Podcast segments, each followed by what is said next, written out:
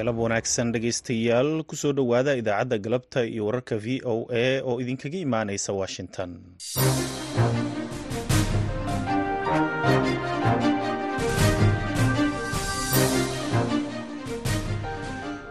Waa isniin bisha februari ee sanadka waa waxaad naga dhagaysanaysaan mawjadaha gaagaaban ee mitrban iyo bogga v o a somalycom saacadda afrikada bari waa afartii galabnimo. Idaacadda galabta iyo wararka v o a waxaa idinla socodsiinaya aniga oo ah cabdulqaadir maxamed samaka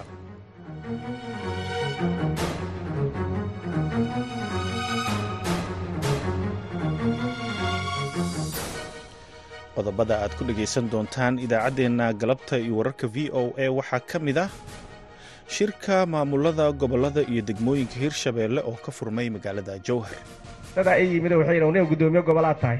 Waxaana laga yaabaa birri inaad booskan weyse maad iska dhaaftid waxaan xad u martigilay xaad sugu dhibtoonaysaa. Bini'aadamku ma jeclo ku dhiirashay rabtaa waxaa la yidhaha isbeddelka. Anna waxaan idhi ummaddan labadan gobol sidii dalkuba federaal u qaatay inay isku darmaan aniga haddaan kursigayga ku weyhaayana waa iga go'an tahay waana la martigelina waana la isku diraa waxaa kalood dhegaysan doontaan warbixin ku saabsan xirfado la baray qaar ka mid ah dadka barakacyaasha ah si ay u shaqaystaan. Waxaa laga soo xulay xarooyinka barakacyaasha magaalada baydhabo. Muddo afar bil ah ayaa hay'adda maadfow dadkan waxay baraysay xirfado kala duwan ay ku shaqaysan karaan si ay noloshooda u maareeyaan. Xirfadaha la baray waxaa ka mid ah driven and mechanical welding beauty saylon waxaana la guddoonsiiyey caqabkii ay ku shaqaysan lahaayeen qodobadaas iyo warar kale ayaad dhegaysan doontaan balse intaasoo dhan waxaa ka horreeya warkii dunida.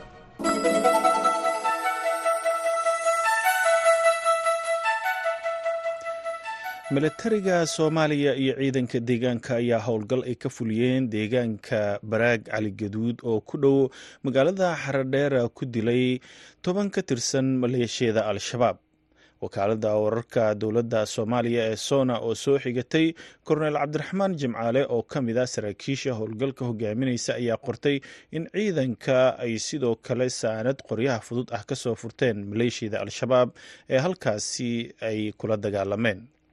V o a si madax bannaan uma xaqiijinin khasaaraha iyo howlgalka marka laga reebo warbixinta wakaaladda wararka ee sona dowladda soomaaliya oo kaashanaysa ciidanka deegaanka ee macawisleyda ayaa tan iyo sannadkii laba kun labaatankii dhammaadkiisa ka waday gobollada galgaduud iyo mudug. Dagaal ay ku doonayso in aaggaasi ay kaga saarto kooxda al-shabaab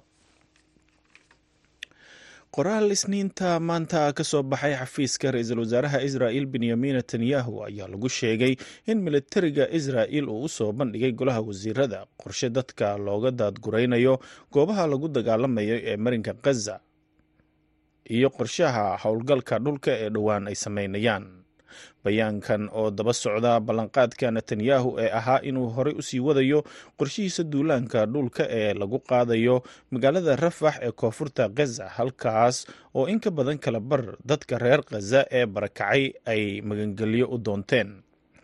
Qoraalka laguma bixinin faahfaahin dheeraad ah oo ku saabsan halka la geynayo dadka la daadguraynayo. Rafax ayaa ku taalla xuduudda u dhexaysa masar iyo marinka khaza deegaanada waqooyi ayaa waxaa ku burburay dagaal afar bilood socday oo galaaftay nolosha ku dhowaad soddon kun oo ruux iyadoo masar ay sheegtay inaysan furi doonin xuduudaheeda. Qaramada midoobe ayaa walaac ka muujisay qorshe kasta oo lagu raro dadka rayidka ah ee ku nool khaza iyo qorshaha israa'il ay ku doonayso in howlgallo dhulka ah ay halkaasi ka fuliso taasoo walaac xoogan laga muujinayo xaaladda iyo waxa ku dhici kara dadka rayidka. Faahfaahinta warkan idaacaddeenna ayaad ku maqli doontaan milatariga dalka ukrein ayaa maanta sheegay in ciidamada ruushka ay habeenbarkii dalkaasi ku weerareen afar iyo toban diyaaradaha aan duuliyaha lahayn iyo lix gantaal. Ciidamada cirka ee dalkaasi ukrein ayaa sheegay in hanaankooda difaaca uu soo riday sagaal ka mid ah afar iyo tobankii diyaaradood ee ahaa nooca droonka iyadoo howlgalka looga hortegayo uu ka dhacay gobollada kharkiif iyo dnobroviski milatariga ukrein ayaa sidoo kale sheegay inay burburiyeen saddex gantaal. Weeraradan ayaa imaanaya xili halgamayaashii midowda yurub hogaamiyayaashii midowda yurub ay isku diyaarinayaan inay maanta ku kulmaan magaalada baris si ay madaxweynaha ruushka valadimir putin ugu diraan fariin xallin ah islamarkaana ay uga hortagaan warka ruushka ee sheegaya in ruushka uu hubo in inuu guulaysanayo xili dagaalka uu galayo sannadkii saddexaad. Madaxweynaha faransiiska emmanuel macron ayaa qasriga madaxtooyada dalkiisa ku casuumay mas'uuliyiinta kale ee dhigiisa ah ee reer yurub kulan shaqo oo si deg deg ah loo shaaciyey kadib markii ay soo baxday. Waxa ay la taliyayaasha ay ku sheegeen in ay korortay xiisadda gardarada ruushka ee dhowrkii toddobaad ee la soo dhaafay gabar uu dhalay ra'iisul wasaarihii hore ee bakistan nawaas shariif ayaa isniinta maanta lagu wareegtay maamulka gobolka ugu dadka badan dalka bakistan iyadoo noqonaysa haweeneydii ugu horreysay ee gobolkaasi maamusha. Maryam nawaas shariif ayaa loo doortay guddoomiyaha gobolkaasi oo qoyskeeda ay ku xoogan yihiin ee banjaab kadib markii bakistan ay qabatay doorashooyinkii heer qaran iyo heer gobol ee sideedii februari xisbiga maryama ee bakistan muslim league iyo xulafadeeda ayaa isniinta maanta helay laba boqol iyo labaatan cod oo ka mida saddex boqol iyo koob iyo toddobaatanka xubnood ee ka mida xubnaha golaha sharci dejinta ee banjaab kadib markii doorashada uu qaadacay xisbiga mucaaradka ee sunni itixaad ee uu taageerayo ra'iisul wasaarihii hore cimraan khan. Qaan ayaa ku eedeeyey doorashadii baarlamaanka iyo tan gobolka ee sideedii februari mid la musuq maasuqay eedeymahaasi ayaana waxaa beeniyey guddiga doorashada bakistan ee e c p. Maryama ayaa kadib guusheeda ka hadashay diidmada mucaaradka waxaana ay sheegtay inay ka xun tahay in mucaaradku aysan halkaasi u joogin inay ka qayb noqdaan geedi socodka dimuqraadiyadda. Aabbaheed oo loogu yeero libaaxa bunjaab ayaa saddex jeer oo hore ra'iisul wasaare ka soo noqday bakistan adeerkeed shahbaas oo horey u soo noqday ra'iisul wasaare ayaa loo malaynayaa inuu mar kale xafiiska qabto kadib markii baarlamaanka dalkaasi ay kulmaan. Toddobaad ka soo socda ugu dambeyntiina ururka taalibaan ee dalka afghanistan ayaa maanta si dadweynaha u furan u fuliyey qisaas kale oo ay ku fuliyeen nin ku eedeysan inuu dil geystay.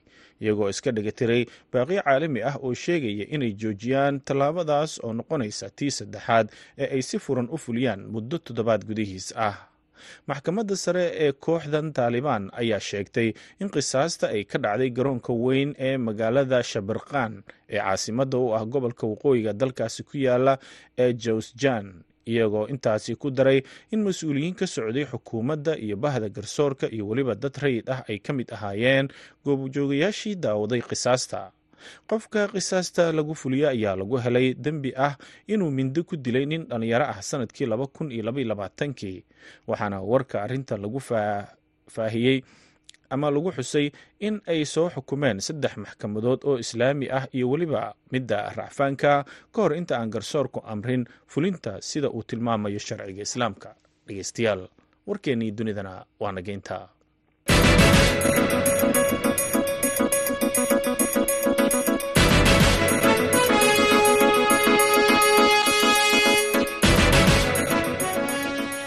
galab wanaagsan mar kale dhegaystayaal halka aad nagala socotaan waa idaacadda v o a oo idinkaga imaaneysa washington. Madaxweynaha maamul goboleedka hirshabelle cali cabdulaahi guudlaawe ayaa magaalada jowhar ku daahfuray shirweynaha maamulada gobollada iyo degmooyinka hirshabelle. Shirka oo socon doona muddo afar cisho ah ayaa diiradda lagu saari doonaa hanaanka shaqo ee maamulka gobollada hiiraan iyo shabeellaha dhexe iyo hoggaanka degmooyinka labadaasi gobol sida uu warbixintan ku faahfaahinayo wariyaha v o e da ee beledweyne xuseen xasan dhaqane. Muddada shirka uu soconayo ka qaybgalayaashu waxay isdhaafsan doonaan qaabka ay u shaqeeyaan waxaanay wadaagi doonaan waayo aragnimada ay u leeyihiin deegaanada ay ka kala socdaan ee hiiraan iyo shabeellaha dhexe wasiirka arrimaha gudaha dowlad goboleedka hirshabeelle cabdi daahir guure karoore ayaa waxa uu sheegay in dhowaan maamulka uu qaban doono doorashada golayaasha deegaanka degmooyinka maxaas aadan yabaal bulo burte iyo cadalle. Ujeedkeennuna waxaa waaye inaan ka hadalno dhulka la xureeyana maxaa u qabsoomay dhulka la xureyn doonana ha loo diyaargaroobo madaxdana mataqaanaa ha wada shaqayso xasilinta iyo horumarinta iyo degmooyinka xorta laga dhigana waxa loo qabto ujeeddadana waxaa ugu muhiimsan in aan kulankaana noo dhaco oon degmooyinka o dhan isku yimaadiin ka wasaarad ahaanne inaan baraarujin samayno inaan golayaashii deegaanka dhaqaajin rabno afarta degmo miiska noo saaranne aan rabno inaan saddexda bilood soo socoto ku soo gabagabayno. Haddana waxaa noo qabsoontay caasimadda dowladda hirshabeelle iyo degmada warshiiq sawir lagu daya doono oo muuqaal fiicanna waa soo bandhigi doona asoo barastatione si ay u ogaadaan guddoomiyaasha degmooyinka xil ku fadhiyo in asoo xil ku fadhiyan oo doorashada soo geli karo soona bixi karo doorashadana uu wasaaradda kala shaqay karo si uu noqdo guddoomiye la doortay oo micno leh oo bulshadu ku qanacsan tahay. Waxaan rabnaa inaan u soconno meesha loo socdona waxay tahay in dadku ay doorasho ku fadhiistaan kuraasta insha allah waxaana miiska noo saaran degmooyinka aadayabaal iyo maxaas iyo cadalo iyo buulo barde.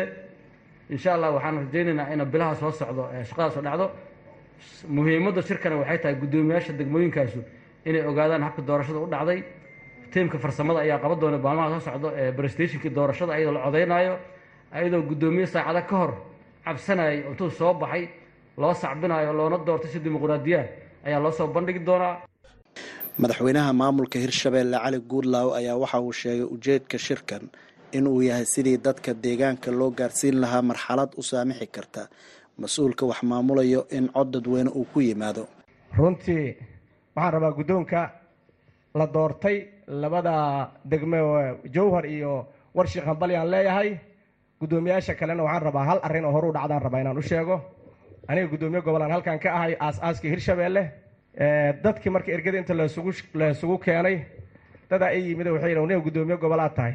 Waxaana laga yaabaa birri inaad booskan weyse maad iska dhaaftid waxaan xaad u martigeli xaad suu dhibtoonaysaa bini aadamku ma jeclo ku dhiirashay rabtaa? Waxaa la yidhaha isbeddelka.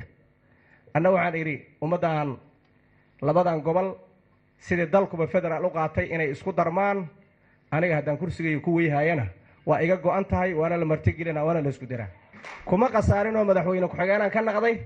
Haddana madaxweynaan ka ah. Idinkana waxaa laga yaabaa guddoonaad ka naqan doontiin heer staydaad gaari doontiin heer gobol iyo heer state meeshaad rabtiin inaad imaan doontiine ha lagu dhiirado isbeddelka faa'iido badanaa ku jirte. Faa'iidada ku jirto waxay tahay mid bulsho iyo mid horumareed iyo mid siyaasadeed. Intaba waa ku jirtaa dhammaadka shirka ayaa waxaa la filayaa inay ka soo baxaan qodobo wax ku ool ah oo quseeya nabadda iyo horumarka hirshabeelle xuseen xasan dhaqane v o a beledweyne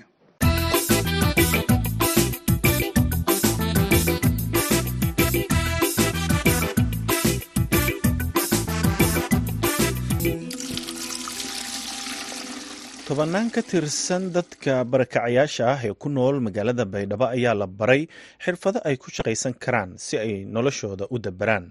Warbixin arrinkaasi ku saabsan waxaa noo soo diray wariyaha v o eda mukhtaar maxamed catoosh dadka xirfadaha shaqa la baray oo ahaa ilaa lixdan dhalinyaro oo rag iyo dumar isugu jira ayaa laga soo xulay xerooyinka barakacyaasha magaalada baydhabo.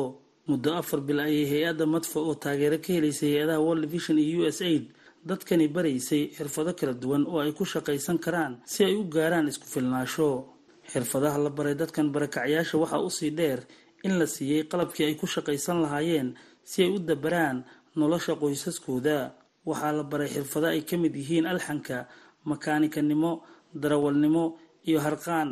Cali warsame waxa uu ka mid yahay dhalinyarada baratay alxanka. Wuxuu hadda awoodaa inuu ku shaqeeyo xirfadda la baray. Muddo afar biloode iyo olshifeshinta qalabkaniyo baraasi lataroolka menis i balaasta safayle aan fahmin kolleyta dadkii walna bareen boqolkii boqol ma hasanyin marka alaabtana aanu samayni musqulo hortiyo galabkii laka isticmaalayo aanu samayni marka ma hasantiin araan. Sukurey ibraahim muumin waxay iyaduna ka mid tahay haweenka bartay farshaxanka iyo tolista dharka.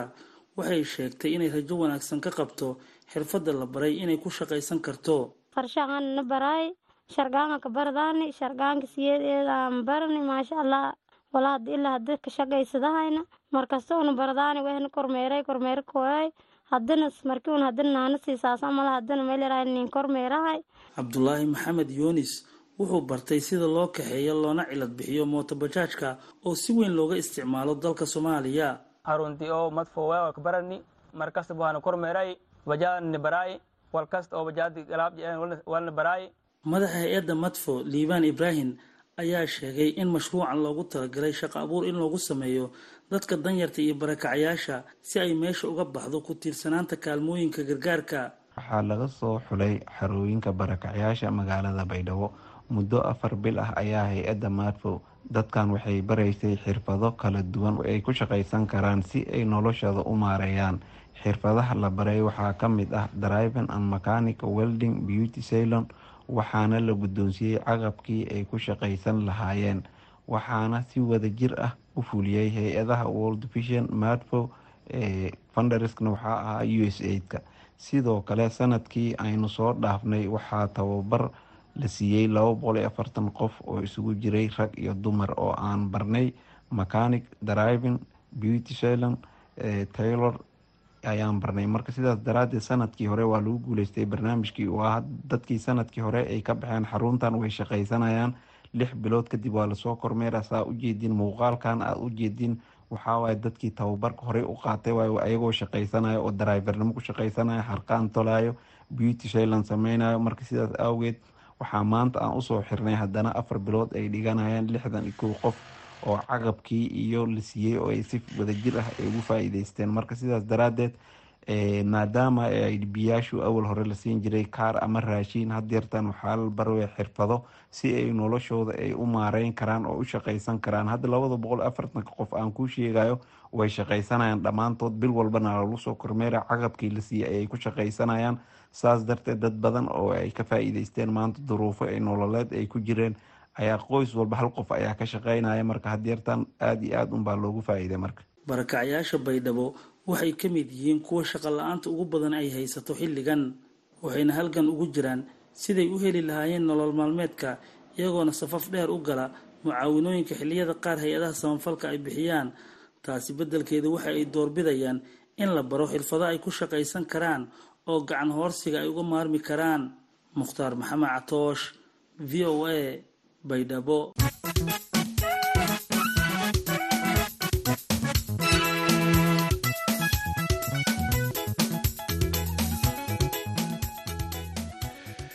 xildhibaan ka mid ahaa xubnihii ugu horreeyey ee golaha guurtida ee somalilan oo ayaa lagu aasay maanta magaalada boorama xildhibaan suleex madar xoosh wuxuu ka mid ahaa odayaashii ka soo qeyb qaatay nabadeynta gobollada somalilan markii ay burburtay dowladdii dhexe ee soomaaliya kii warbixin arinkaasi uu ku faahfaahinayo waxaa noo soo diray waryaheena magaalada boorame haashim sheekh cumar good allaha u naxariistay waxaa maanta lagu aasay magaalada boorame ee gobolka awdal xildhibaan suleex madar xoosh oo ka mid ahaa xubnihii ugu horreeyey ee lagu aasaasay. Golaha guurtida somalilan shirkii lagu yegleelayay dowladnimada somalilan sannadkii kun iyo sagaal boqol iyo saddex iyo sagaashankii. Marxuumka ayaa ku dhashay magaalada boorama sannadkii kun iyo sagaal boqol iyo sagaal iyo tobankii wuxuuna ka mid ahaa dhallinyaradii bilowday fanka soomaalida ee loo yaqaanay balwo bilowgii kun iyo sagaal boqol iyo saddex iyo afartankii sidoo kale wuxuu ka mid ahaa kooxihii ciyaari jiray ciyaaraha kubadda xeegada xilliyadii gumaysiga ingiriisku joogay somalilan taariikhdiisa oo kooban xildhibaanka ayaa waxaa ka warramay xuseen maxamed miisaan oo uu waalid u ahaa. Qatlmowt maalin walba naftu waa dhiman doontaa waanu ku xukumanahay maanta waxaa naga baxday maktab ama buug weyn ama daftar weyn oo arkiifiya alla u naxariistay xildhibaan xuseen madar xoosh oo ku magac dheer suleex oo odayaasha tiirasha somalilan ama soomaaliyeed aad looga aqaano taariikh badan ku lahaa. Runaantii aniga suleex wuxuu ii sheegay adeerkaybuu ahaa waalidkaygibuu ahaa. Wuxuu ii sheegay inuu dhashay tobankii uu ku dhashay magaalada boorama gobolka awdal oo markaa ahayd. Wuxuu iga sheekeyn jiray taariikho badan waxaan qofka ugu dhow ee inta badan waqti la qaadan jiray ee meelaha dadku isku kulmaan ku kulmi jiray waxaan ku warbarbaarnay gacantiisa waxaan ku warbarbaarnay kaftankiisa qosalkiisa dadmadiisa wuxuu ahaa qof mabsuuda farxaan badan yar iyo weynba la kaftama deeqsiya. Qof masaakiin aan dhaafayn taarikhda uu iga soo sheekeyey waxaa ka mid ahaa waqtiyadii uu saylac ku noolaa iyo xaafadaha seylacsi ahaan jireen iyo toddoba xaafadood seylac ka mid a waqtiyo badan wuxuu ku noolaa dalka yaban waqtiyo badan wuxuu ku noolaa dalka sacuudiga. Marxuumka ayaa waxyaabaha kale ee lagu xasuusto. Uu ku tilmaamay xuseen waqtigii jaamacadda camuud dhisayay wuxuu ka mid ahaa dadkii fundigii ama dadkii gacanta ku hay dhismaha weyne jaamacadda jaamacadda camuud. Dhismaheega markuu secondaryga la dhisayey waxuu iga sheekeeyey dhismihii dalka iyo waxa loo soo maray iyo mudnaanta uu siin jiray nabaddu waxay tahay. Wuxuu nooga sheekeyn jiray oo aad u jeclaa dowladnimada dabdhiska nabadda. Wuxuu nooga sheekeyn jiray lexejeclada wadaniyadda dadka inuu jeclaadaan wadaniyadda ay tahay. Wuxuu ka mid ahaa dadkii xeegada iyo sayleyga aad ku ciyaari jiray wuxuu ka mid ahaa waqtiyadii wuxuu iga sheekeyn jiray hargeysa ay ku wada ciyaareen. Wuxuu iga sheekeeyey taarikhdan ilaabi doono mar laba oo iga sheekeeyey markii ugu horreysay ee xeegada ay ku ciyaarayeen ay la ciyaareen hargeysa iyo tirada ay kaga badin jireen. Wuxuu ahaa oday waxa weeyaan dadkoo dhan jecel yihiin yar iyo weyn saaxiib laa culummada saaxiib laa cid walba ku xidhan. Wuxuu ka mid ahaa tiirashii iyo odayaashii guurta somalilan aasaasay wakhtigii nabadda ugu horreysay maanta nabadda ku nool somalilan dhisdeedii dalka. Sidoo kale xildhibaan oday xaaji cabdi oo ay marxuumka ka wada tirsanaayeen golaha guurtida somalilan ayaa isagu tacsi u diray qoyskii iyo golihii uu ka tirsanaa sheegayna inuu ahaa xubnaha tirada yar ee ka hadhsanaa aasaasayaashii golaha guurtida lagu bilaabay. Inaa lilah wainaa ilayhi raajicuun inaa lilah wainaa ilayhi raajicuun ilaa lilah wainaa raajicuun maanta waxaanu joognaa tacsidii sulix madal xoosh wuxuu ahaa nin qaali ku ah dalkan iyo dadkan wuxuu ahaa raggii guurtida somalilan lagu sameeyey raggii boorama saldhigga iyadoo sidaa u lulmanaysa cagaa u dhigay ayuu ka mid ahaa guurtidii sheekh ibraahim sheekh yuusuf ka mid ahaa xaji cabdi xuseen ka mid ahaa sheekh muuse goodaad ka mid ahaa sheekh cabdilaahi sheekh aljawhar ka mid ahaa xaaji axmed miisaan ka mid ahaa cabdiraxmaan cileeye ka mid ahaa raggaasay ahayn raggaasi rag taariikhda lagu ilaawi karo ninka garanaya ma aha. Waxaan leeyahay raggaasi raggii somalilan tiba ku tabcay ummaddaas nin weliba qorigiisa sito nin weliba qofba qof dilayo raggii qoryaha naga dhigay ee mihiirsadana yidhi tooda la raacay buu ahaa xoogna lagagama dhigin kulligayo caqlaanna lagaga dhigay ilaahay caqligaha noo soo celiyaan leeyahay ninkii garanayowna raggaa xasuuso wanaag. Waxaa xabaalahooda loogu ururayaa ee markhaatiga loogu yahay waa wanaag. Waxaan leeyahay waa taariikh dheer ayuu sulux madal leedahay. Maanta iyo raggii ka horreeyba raggiina wax qoraa ee bugaagta qorow taariikhda ururiya si iskuullada loogu dhigo oo loogu sheego da'yarteenna da'yarteenna waxba taariikh maynaan sheegin.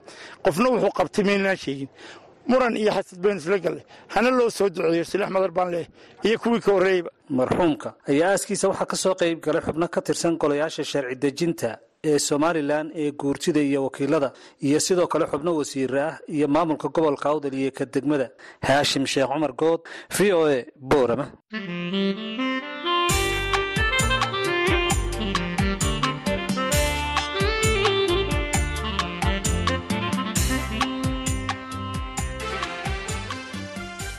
weli waxaad nagala socotaan idaacadda v o a oo idinkaga imaaneysa washington.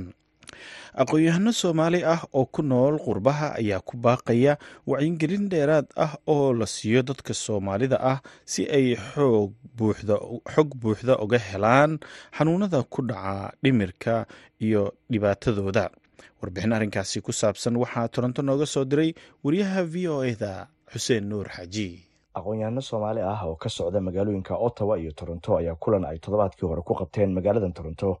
Waxay uga hadleen muhiimadda ay leedahay in bulshada soomaalidu ay fahmaan in la talinta iyo wacyigelintu ay qayb weyn ka qaadan karto wax ka qabashada xanuunada ku dhaca dhimirka. Qobarada lagu martiqaaday kulanka ee la hadlay bulshada waxaa ka mid ahaa dhaktar cabdiraxmaan kaahin oo degan magaalada ottawa. Wuxuu iiga warramay faa'iidada barnaamijyadan oo kale uu leeyahay soomaalida. Wuxuu ka bedeli karayaa waxay caadaysan doonaan xanuunadan layidhahdo dimirka amba xanuunada cilmi nafsiga inay tahay wax muxuu ahaa caadiya oona ku xidhnayn diintana ku xidhnayn iimaamka qofkana ku xidhnayn oona madow iyo muslim iyo iyo gaalna ku xidhnayn. Waa wax ma ogtahay waxaa statistiga canada dhowr iyo tobankii sannadood ugu dambeeyey lamaa shan iyo tobankii sannadood ugu dambeeyey waxaa la yidhahdaa tobankii qof lix iyo lamaa toddoba qof ayaa khibrad u yeelan doona xanuunka maskaxda la yidhaahdo waana lambarkaasina uu sii kordhi doonaa. Marka waa wax bini'aadanka oo dhan ka wala saman yihiin oona ku xidhnayn kalar aana diinna ku xidhnayn. Marka dadka in la wacdigeliyo waa muhiim. Siba fikirka qaladka ay ka haystaan waxay dadku ka haystaan qofka daciifka inuu ku dhaco kuma xidhna. Marka qaarkood waa dhaxal layska dhaxlo faamiga. Marka qaarkood waxay soo baxda qofku markuu sibstanis u qaato. Amba droog khamrad xashiishad amba jaad amba hurdaliyey ayaa maogtahay trigger ku noqota oo waxyaabaha keena. Dadka ka qayb galay kulanka qaarkood ayaan wax ka weydiiyey aragtidooda ku saabsan kulamada ay soomaalidu isugu imaanayaan ee looga hadlayo xanuunada ku dhaca dhimirka. Waa kuwan shukri gujir oo ah macalimad wax ka dhigta magaaladan toronto iyo cabdirashiid xasan xirsi bakin oo ka shaqeeya arrimaha bulshada. Waxaa ku hormaraysa shukri gujir. Asalaamu calaykum waraxmatullahi wabarakaatu xuseen. Dhammaan dadka dhegeystayaasha waa in salaamay. Barnaamijka muhiimaduu leeyahay in dadka wacyigelin la siiyo oo istigmada laga qaado inay kelinimada ka soo baxaan oo qofkii la sheekaystaan counseling ina la siiyo advice ina la siiyo talo. Meesha marka hadda annaga waxaa iskugu imaanay dad wax bartay professional ah social workers psychotherapist iyo dad barayo meesha caawinaad laga heli karo. Qofka inuu keligiisa ku ekeen arinta inuu keligiis depression isgelin. Subxaan allah weliba soomaali haddaan nahay ani waxaa aaminsanahay dad waxaan nahay jecel bulshada. Dhaqankeenii soomaaliyeed ilaahay wuxuu noo sameeyey dad hadal badan. Aniga naftarkeyga marmar waxaa leedahay qofkaas. Maxaa soo riixi? Hadal baa riixi. Marka hadalka yaana isugu celin hala soo baxo la sheekaysa dadka. Waxaa ugu yar aa sameyn karteed as advice ahaan aniga maclimad ba ahay waxaa arkay iska daa dadkii waaweynaa caruurtii yaryaraa bay waxaan saamaysay bulshadu runta waxay ka faa'iidi karaan ummadda soomaaliyeed. Annaga haddaan nahay dad muslimaan nahay waa inaan horta diinteenna aan aaminaa kuna aaminaa wax ilaahay keenaba alxamdulilah rabbilcaalamiin marka bulshadu waxay ka faa'iidaysaa wacyigelinta. Wacyigelintu waa wax very important. Soomaalida waxay tirahda waa waxa ku siiya wax wax kuu sheega lama helo. Marka runtii waxaan aad uga faa'iidaynaa macnaha waxaa sida runtii markuu qofka xanuunku hayo markuu ku soo bilaabanayo markuu kan ku dhaco sidii loola tacaalayo ayay gabadhan soomaaliyeed iyo dadkii noogu yartaba ayay ummadda soomaaliyeed ka faa'iidaysaa marka runtii waa wacyigelin aad loogu baahan yahay ummaddan u baahan tahay ummadda soomaaliyeedna aan jeclaan lahaa inay wada yimaadaan ama ay dhegaystaan ama ay la socdaan arrimahan.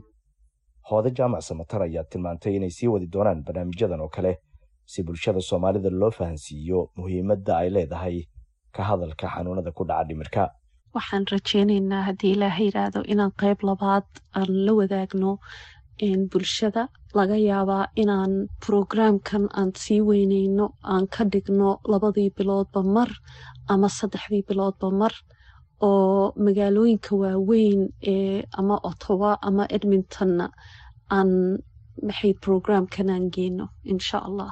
Dr cabdiraxmaan kaahin ayaan ugu dambeyn weydiiyey waxa u jeedin lahaa soomaalida waxaan u jeedin lahaa bulshada soomaalida haddii waxay ku yimaadaan dhibaato inay u tagaan dad professional oo diintoodana garanaya dhaqankoogana garanaya way jiraan maanta rag iyo dumar sida inanta maanta hodan oo kale ayaa ka mid a aniga inan kale magaala bare baa joogtay magaala halkan la joog. Marka dadka professionalka amba soomaali ama muslim dhaqankaaga garanaya inaad u tagtid. Midda kale haddii nafta qof ay khatar ay ku jirto unbaan la sheegi karaa. Inta kale waa qof aad ku sir qarsan kartid weeyaan. Marka taa baan kula talin lahaa xuseen nur xaaji v o a toronto. Haddana dhegeystayaal waxaad ku soo dhowaataan kaalmihii heesaha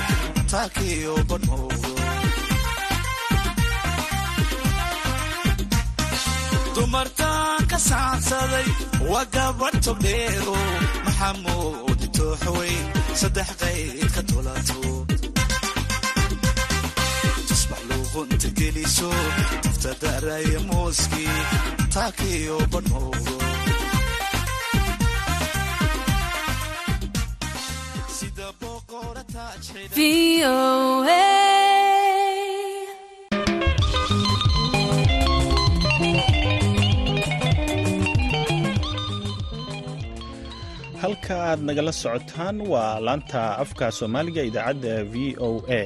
Goordhow waxaad dhegaysan doontaan warar iyo warbixinno kale oo ku saabsan soomaaliya iyo dunida kaleba. Marka horese aan idiin dulmaro qodobada horarkeenna ugu waaweyn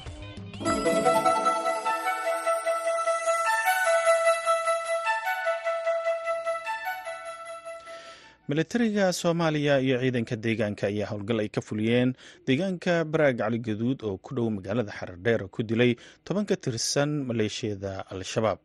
Wakaaladda wararka dowladda soomaaliya ee sona oo soo xigatay korneyl cabdiraxmaan jimcaale oo ka mid ah saraakiisha howlgalka hogaaminaysay ayaa qortay in ciidanka ay saanad iyo qoryo fudud ka soo furteen maleeshiyada al-shabaab v o a si madax bannaan uma xaqiijinayso khasaaraha iyo howlgalka marka laga reebo warbixinta ay qortay wakaaladda wararka ee reuters. Aan iraahde wakaaladda wararka ee sona.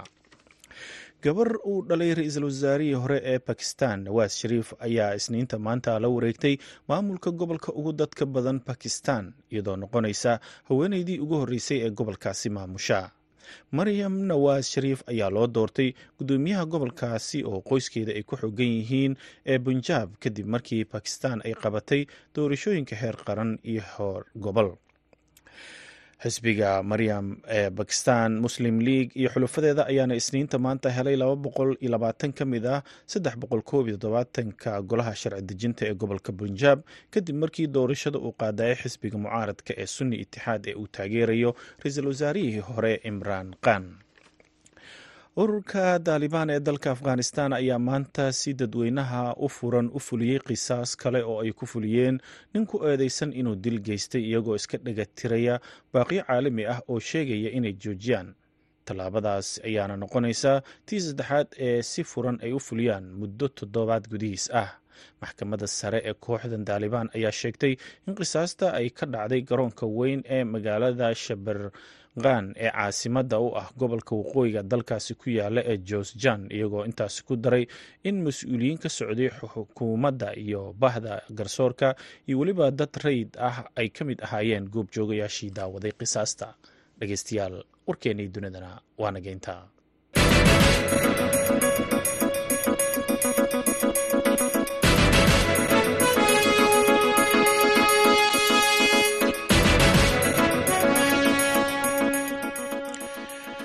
halka aad weli nagala socotaan waa v o a oo idinkaga imaaneysa washington. Markana israel.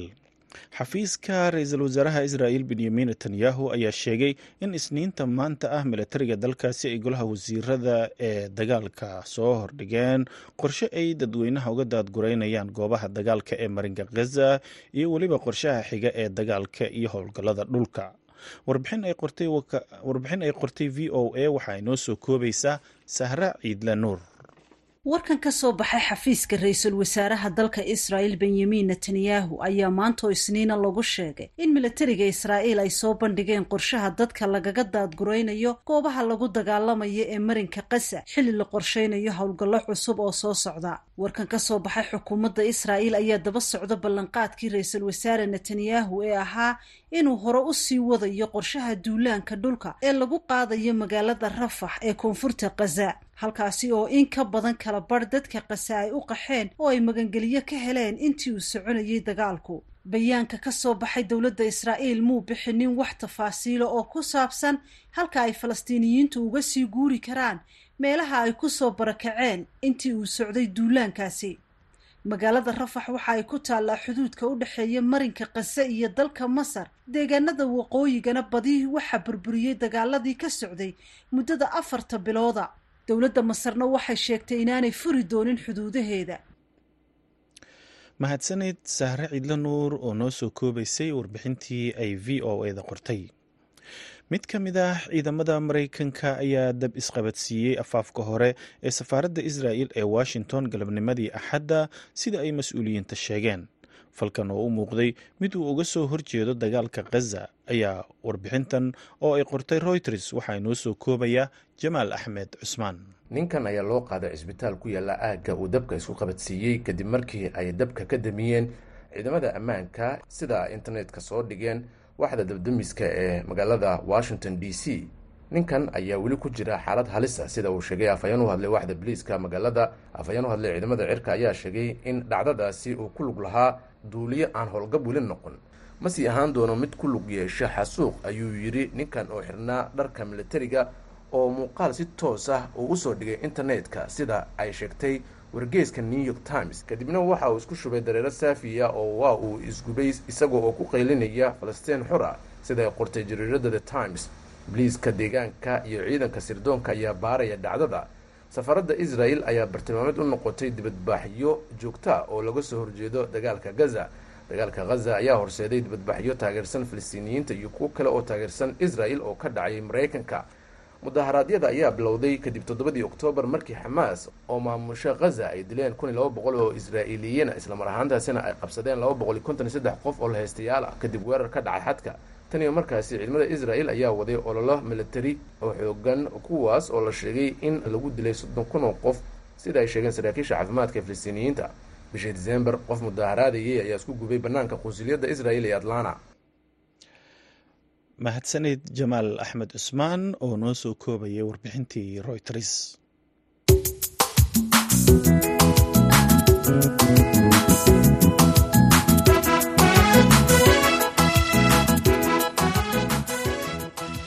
dalka nigeria ayaa axaddii shalay ahayd xariga laga jaray ama ka jirtay masaajidka ugu weyn afrika oo ku yaalla xeebta mediterraneanka kadib markii sannado badan oo carqalad siyaasadeed oo u rogay mashruucan inuu dib u dhac iyo in qarash fara badan uu ku baxo. Warbixin ay qortay wakaaladda wararka associated press waxaa inoo soo koobaysa sahra cabdi axmed waxaa dhistay shirkad dhisme oo shiineys ah oo sannadihii labadii kun iyo tobaneeyadii bilowday dhismihiisa. Masaajidkan weyn ee aljares ku yaalla waxa uu leeyahay minaaradda adduunka ugu dheer ee masaajid oo cabirkeedu uu dhan yahay laba boqol lixdan iyo shan mitir oo u dhiganta siddeed boqol lixdan iyo sagaal cagood waana masaajidka saddexaad ee ugu weyn caalamka marka laga soo tago magaalooyinka barakeysan ee islaamka. Waxaana halkii mar ku tukan kara ayaa la yiri boqol iyo labaatan kun oo qof naqshada casriga ee masaajidkan ayaa waxa ay ka kooban tahay naqshadaha carbeed iyo kuwa waqooyiga afrika oo ka turjumaya ayaa la yiri dhaqanka dadka reer algeria.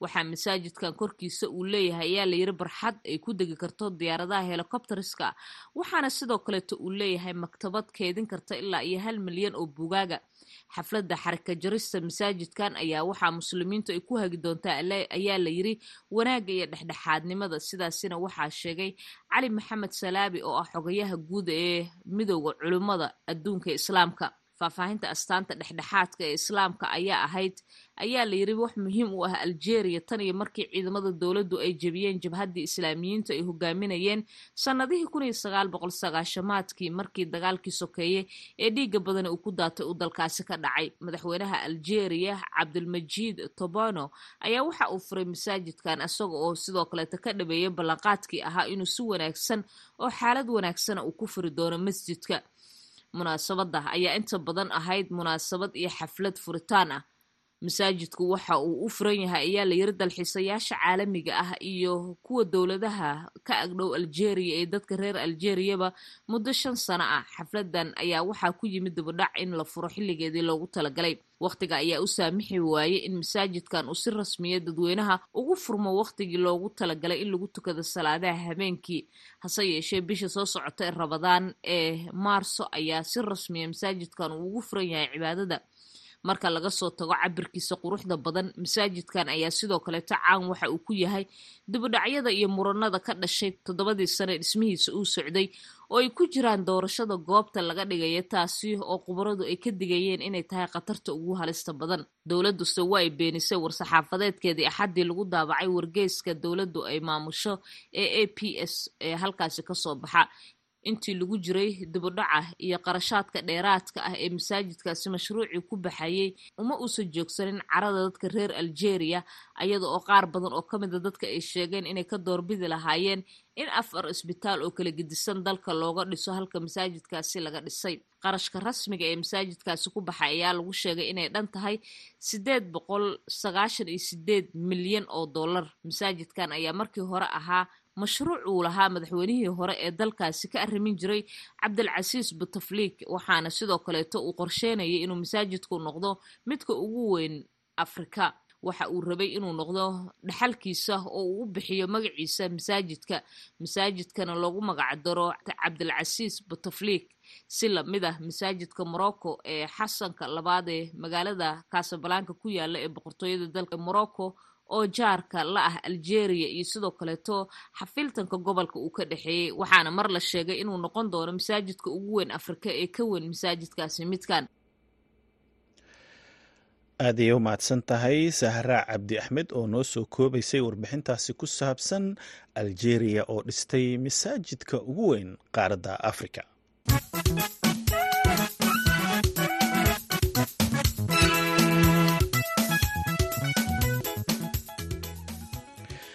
burbur xoog leh ayaa soo gaaray buundada sabuun oo ah halka uu ku yaalo biyo xireenka ugu weyn deegaanada hirshabeelle gaar ahaan gobolka shabeellaha dhexe.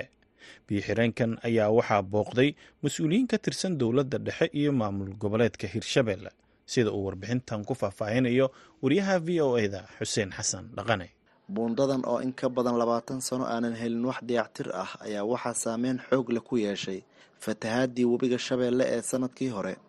Guddoomiyaha gobolka shabeellaha dhexe axmed meyra makaraan ayaa waxa uu ka waramay taageerada ay dowladda dhexe uga baahan yihiin si mar kale ay shaqadii biyo xireenka ay caadi u noqoto. In arrinkan maaragtay aad iyo aad gacan weyn loogu geysto marka kaleentana in la helo wax looga bixiyo. Xatee qalabka markii wax la baxay le in la keeno oo qoryahan waaweyn oo kale wiish sida wiish oo kale in la helo. Gacan dheer oo maarata inta loo soo xiro geedahaas markaa ka bixiyo. Waxaan meelaha yaal waxaa looga bixiye meeshaana inta yimaado baldoosaa lagu jiidaa. Wax kaloo lagu bixiye le male wax gacan gaaraysana ma jirto.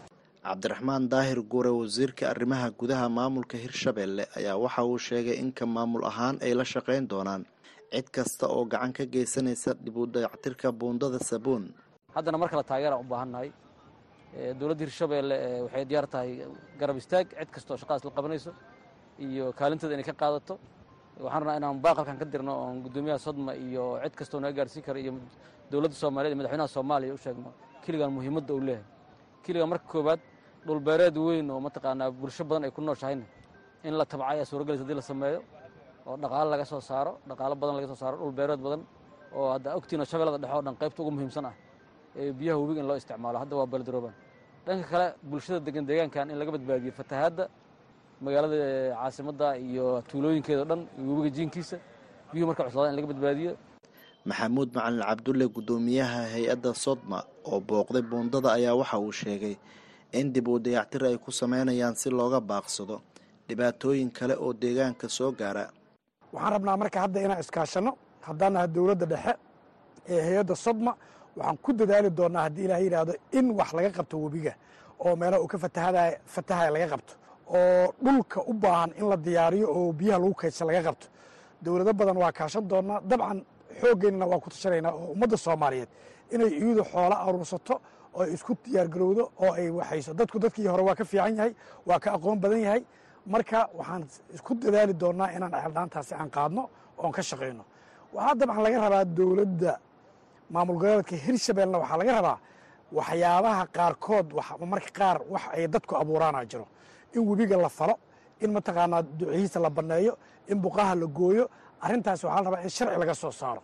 Oo dadka aan loo ogolaanin inay ku dheelaan cid allaale ciddii arrintaas ku kacdane inay consequensi qaadaysahay in laftikeeda ay meesha ka muuqato.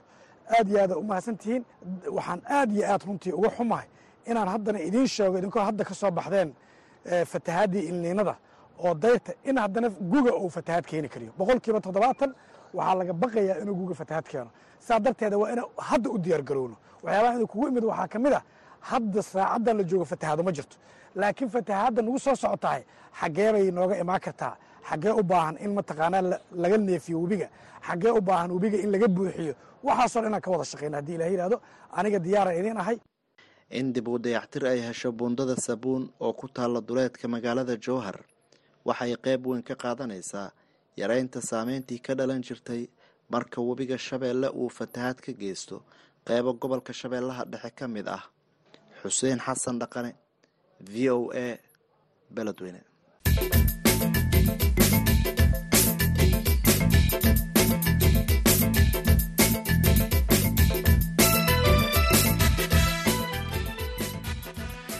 shirkadaha maraykanka ee soo saara qalabka iyo biraha dayactirka baabuurta ayaa ugu baaqay dowladda maraykanka inay joojiso qalabka baabuurta ee laga keenayo dalka shiinaha ee la soo marsiiyo dalka mexico kadibna loo iibkeeno dalkan maraykanka.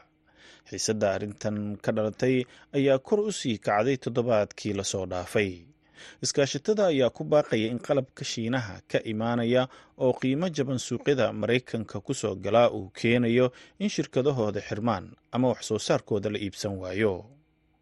Saare ciidla nuur ayaa noo soo koobaysa warbixin ay v o eda arrinkan ka qortay shirkadaha maraykanka ee soo saara baabuurta iyo qalabkooda ayaa sheegay in wax soo saarka shirkadaha jina ay soo maraan mexico. Kadibna suuqyada maraykanka ay ku soo galaan qiimo aada u jaban taasoo ay ugu wacan tahay sida ay sheegeen in dowladda jina ay lacag ku kabto shirkadaha dalkooda laga leeyahay ee biraha iyo baabuurta soo saara. Si ay u jebiyaan shirkadaha kale ee maraykanka ee sameeya qalab la mida amaba ka taya roon kuwooda waxaa kaloo iskaashatada shirkadaha maraykanka ee baabuurta soo saara ay sheegeen in shirkadaha jinaha laga leeyahay ay ka faa'iidaystaan suuqyada xorta ah ee waqooyiga ameerika ka jira taasi oo qaybo ka mida warshadahooga ay keeneen gudaha dalka mexico si wax soo saarkooda oo qiimo ahaan ka jaban kuwa maraykanka uu soo galo dalka maraykanka. Warbixinta ayaa intaasi ku dartay in shirkadaha jina ee xarumaha ka samaystay mexico ay helaan faa'iidooyinka heshiiska maraykanka iyo mexico u dhexeeya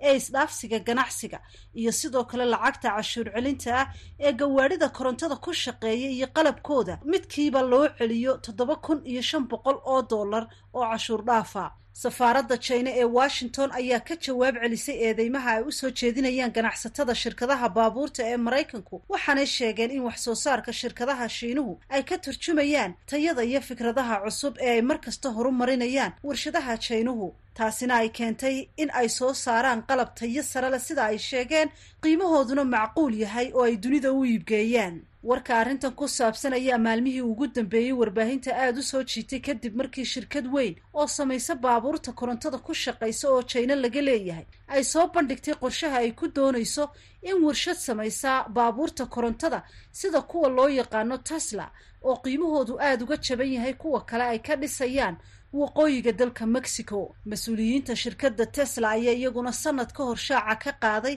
in warshad baabuurtooda soo saarta ay ka dhisayaan magaalada leon ee dalka mexico. Bishii oktoobar ee sannadkii tegeyna waxay sidoo kale shirkadda tesla sheegtay in shirkado jiniis ahi ay hal bilyan oo dollar ku dhowaad ay ku maalgelinayaan mashruucooda dhismaha warshadda baabuurta ee mexico laga hirgelinayo qaar ka mida mas'uuliyiinta dalka mexico ayaa iyaguna ku doodaya in maalgelinta shisheeye ee dalkooda ay faa'iido badan u keenayso dadka reer mexico. Mudanayaal labada xisbi ka soo kala jeeda oo ka tirsan sharci dejinta maraykanka ayaa xukuumadda madaxweyne biden ku cadaadinaya in baadhitaan lagu sameeyo baabuurta jaynaha ee ka soo gelaya dhinaca mexico. Mahadsaneed saare ciidla nuur oo warbixintaasi v o a ay qortay noo soo koobaysay haddana dhegaystayaal waxaad ku soo dhowaataan xubinteennii faaqidaada ciyaaraha. Waxaa inoo hayaa mahad cali xidir oo jooga magaalada muqdisho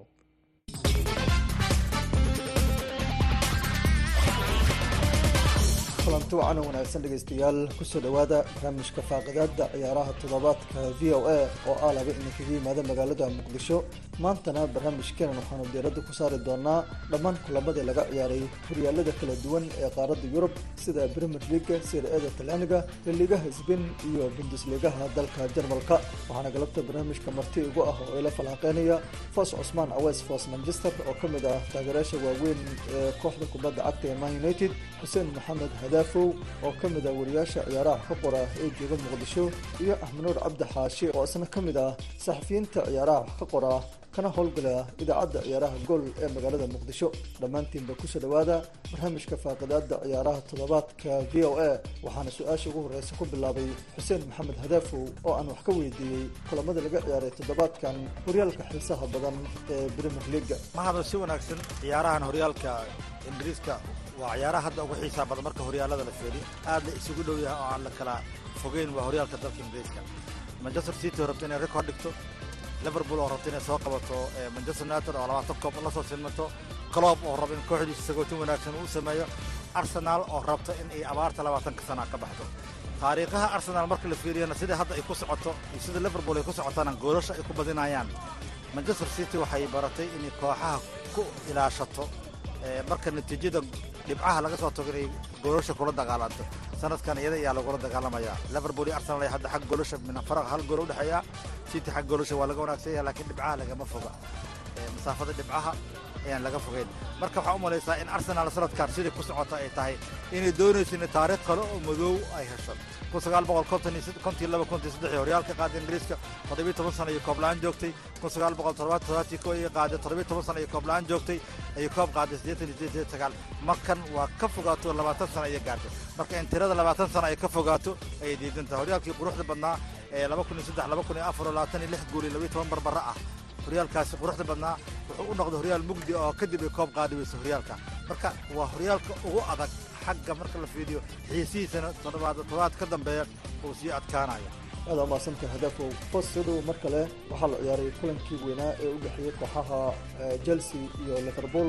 Koobka carabo kaabka ama koobka carne kaabka finaalkiisii ayaa lagu ciyaaray garoonka wembley. Bal ciyaartaas ka huran iyo waxaabihii laga yiri. Aadaa u mahadsantahay walaalkee ciyaartii weyneed ee xalay dhacday. Ciyaar ciyaar dhaaftaan daawanay.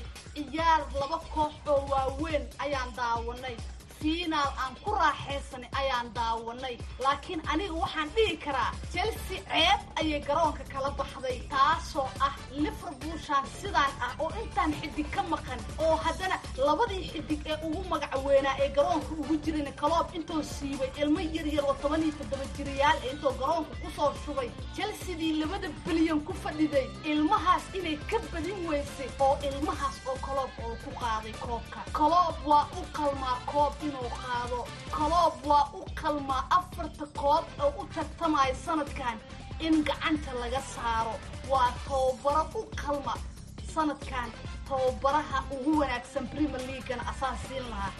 Wakhtigiisii ugu adkaa ayuu marayaa taasoo ah xidigihiisii ugu badnaa leen abka ayaa tarbuunka ka daawanaya saas oo ay tahayna kalsooni boqolkiiba boqol wuxuu ku qabay ilmaha yaryarka ee garoonka oo ku soo shubtay taasoo oo marna asan baktin ka muujinin xidigaha waaweyn magac ahaan markaa eegtid maqaanka ay ku fadhiyaan chelsea laakiin aysan waxba ku toorneen. Chelsea ciyaarta waa ee dili kareen kaambida hore iyo kaambida dambaba ciyaarta waxaa goolal ugu qabaysa ninkii galaga ahaa. Ninkaas chelsea asiga ayaa koobka ka qaaday laba gool oo wuxuu ka cunay goosha iyo asiga ah. Sidoo kale balmer gooloo ka cunay. Sidoo kale inso fernandes gooloo ka cunay intaasoo dhan ma aysan ka faa'iidaysanin. Umaadsantahay axmed cabdi xaashi man united kooxdii ahayd garoonkeeda old trafford baallaha looga rifay fulhama ka badisay. Bal ciyaartaas ka waran iyo ciyaarihii kaloo la ciyaaray sida kooxda kubadda cagta city oo kale oo iyadana badisay. Umaasantahay gentleman horta man united waxaa waaye maalmahan dambeba waxay ku tashanaysa waxaa weeriyaan fiican oo denmark oo kulamada dambe gool badan u dhelinayay. Kooxdan farsamo ahaan iyo taktig ahaan ma ahan koox yani jiha toosan lah oo ciyaar walba farsamaynta la imaado ku badin karta ma ahan ciyaartooy oo tayo badan yani ma joogaan ciyaartooy daalan oo yaal waxbaa iska joogo marka xalay garoonkooda lagugu qabtay waa la garaacay weliba fulham oo ciyaartooyka waxaa waaweyn ka imaaday ama ciyaartooy soo daalay ku tashanaysa horta garaacday waxaan ahayd toddobiyo toban sana ka soo wareegtay in fulham ay ku badiso old trafford marka man united horta loolanka awalba yurub league ay ahayd meesha hadafkeeda uu yeegsanayo hadday boosas champions league imaadaanna waa guule u tahay marka united waxaa waaye champions league ama boos fiican horta inay geli doonto uma badna. City way badisay laakiin badiska ay badisay kan iyo kulankii ka horreeyeyba laba guuloo nafla caari aad oo hal gool ay ku badisay iyadoo weliba ciriir la gelinayo oo la waabinayo oo gool lagu sigaayo. Xalay bournemouth inay xitaa bareejahashu u qalinto gool badan fursado badan esha gool ay u bedeli weysay. Marka waxaa marka ma city hami gelinaya waxay tahay farqiga hogaanka oo aan badnaan hadda hal dhibica hogaanka looga hayaa laakiin iyadana waxay wajahaysaa labada naadi ay horaanka kula tartamayso min kulana ugu dhiman. Laakiin arsenal liverpool iyagu isuma dhimna marka man city waxay ku qasban tahay kulamada ay liverpool iyo arsenal kala ciyaarayso inay iyadana badiso kulamada si iyo horyaalka ay yani marka afraad xirri u qaado. Mana sahlana in labadii kooxood horaanka kula dagaalamaysa in labadaba garaacdo maasanta axmed cabdi xaashi xuseen maxamed hadaafow horyaalka kubadda cagta ee seri e kulamo laga ciyaaray inkastoo kooxda inter milan la leeyahay horyaalka waa ay la galban rabtaa adiga muxuu muuqataa in sanadkan championka ay noqon doonto kooxda inter milan iyo bal loolanka horyaalka talyaaniga ee seri e inter milan kooxda ciyaartooyda haysato macalinka haysato runtii mustawaha hogaanka horyaalka ay ku hayso laba kulan iyadoo baaqi u tahay ay lix dhibcood ku hogaaminaysaa horyaalkan waxaa la ciyaaray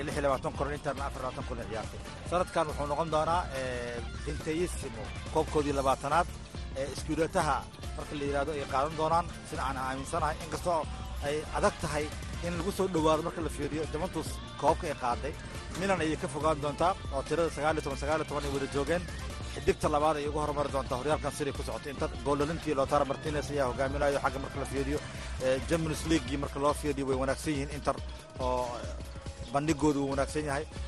Koobka kooxa horyaalada yuro ay sanadka tagay finaalka yimaadeen koobabka marka la fiiriyo sida koobka itaaliya subarkoobka itaaliya u guulaysanay marka waxay noqon doontaa sannadkii nerazuri oo ay horyaalka ay qaadi lahayd inkastoo horyaalka weli labiyo toban kulan oo kale afar iyo toban kulan iyaga u siyaarsan yahay kooxda ku soo xigtay juventusna uu labiyo toban kulan u siyaarsan yahay laakiin bandhiga ay samaynayso siday u joogtoynayso guulaheeda u joogtoynayso sanadkaas sannadkii inter ayuu yahay. san tahay ugu dambeyntii axmud cabdixaashi balka waran horyaalka xiisaha badan ee laliga waa sidee kadib kabixitaankii ronaldo iyo messi xiisihii horyaalka laliga hoos ayuu dhacay ma la dhihi karaa? Horta mar walba ciyaartooy waaweyn ay horyaal ka tagaan horyaalka hoos u dhacaya ronaldo iyo messi ka tegistoodii laligana saameyn badan way ku yeelatay. Laakiin magacyada real madrid iyo barcelona waxay ahaayeen laba magac ama laba naadi waaweyn oo weli yacni awood ku haysteen sbain ay weli muuqato. Inkastoo barcelona hoos u dhac markaasi aad uga fokaan real madrid oo kale yani uu haysto haddana marka aa fiirisid loolanka ma liito hadda saysa soo dhaaf waxaa qaada barcelona hadda kan real ay u badan tahay inay qaadi doonto oo hadda farqiga u dhexeeya waa sideed dhibcood iyo waxyaabaha la mid ah marka loolanka hadda ma furno oo real madrid dhankeeda u badan yahay oo hadda ma jiraan kooxa real madrid isdhihi karo dhibco badan ay ka celi karaan oo barcelona guulo badan gaari kartaan isma dhihi karo. Dadka u dhiman waa isku kooxa u dhiman marka real madrid marka horyaalka inay qaadi u badan tahay aad iyo aad aa mahadsantihiin. Intaas ayaan ku soo gabagabeynayaa barnaamijkii faaqadaada ciyaaraha toddobaadka v o a. Oo ay galabta marti ugu ahayeen foos cusmaan aweys foos manchester xuseen maxamed hadaafow iyo axmanuur cabdi xaashi. Inta aan barnaamijkan mid lamida ku kulmi doono dhammaantan isku duban waa mahad cali xadir idinkaga tegayaa sidaas iyo nabadgelyo mahadsanid mahad cali mahadsanid mahad cali xidir oo nala socodsiinaya warka ciyaaraha. Markana kaalmihii heesaha iyo codadkii aweys khamiis iyo sitay qosol wanaag.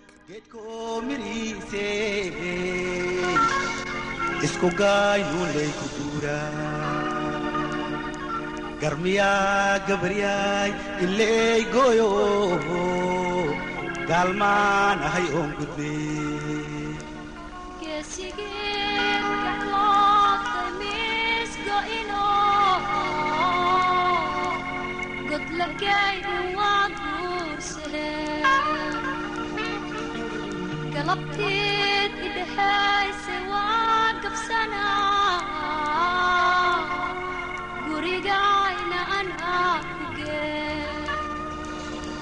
aniga galabtaan maxaan galaa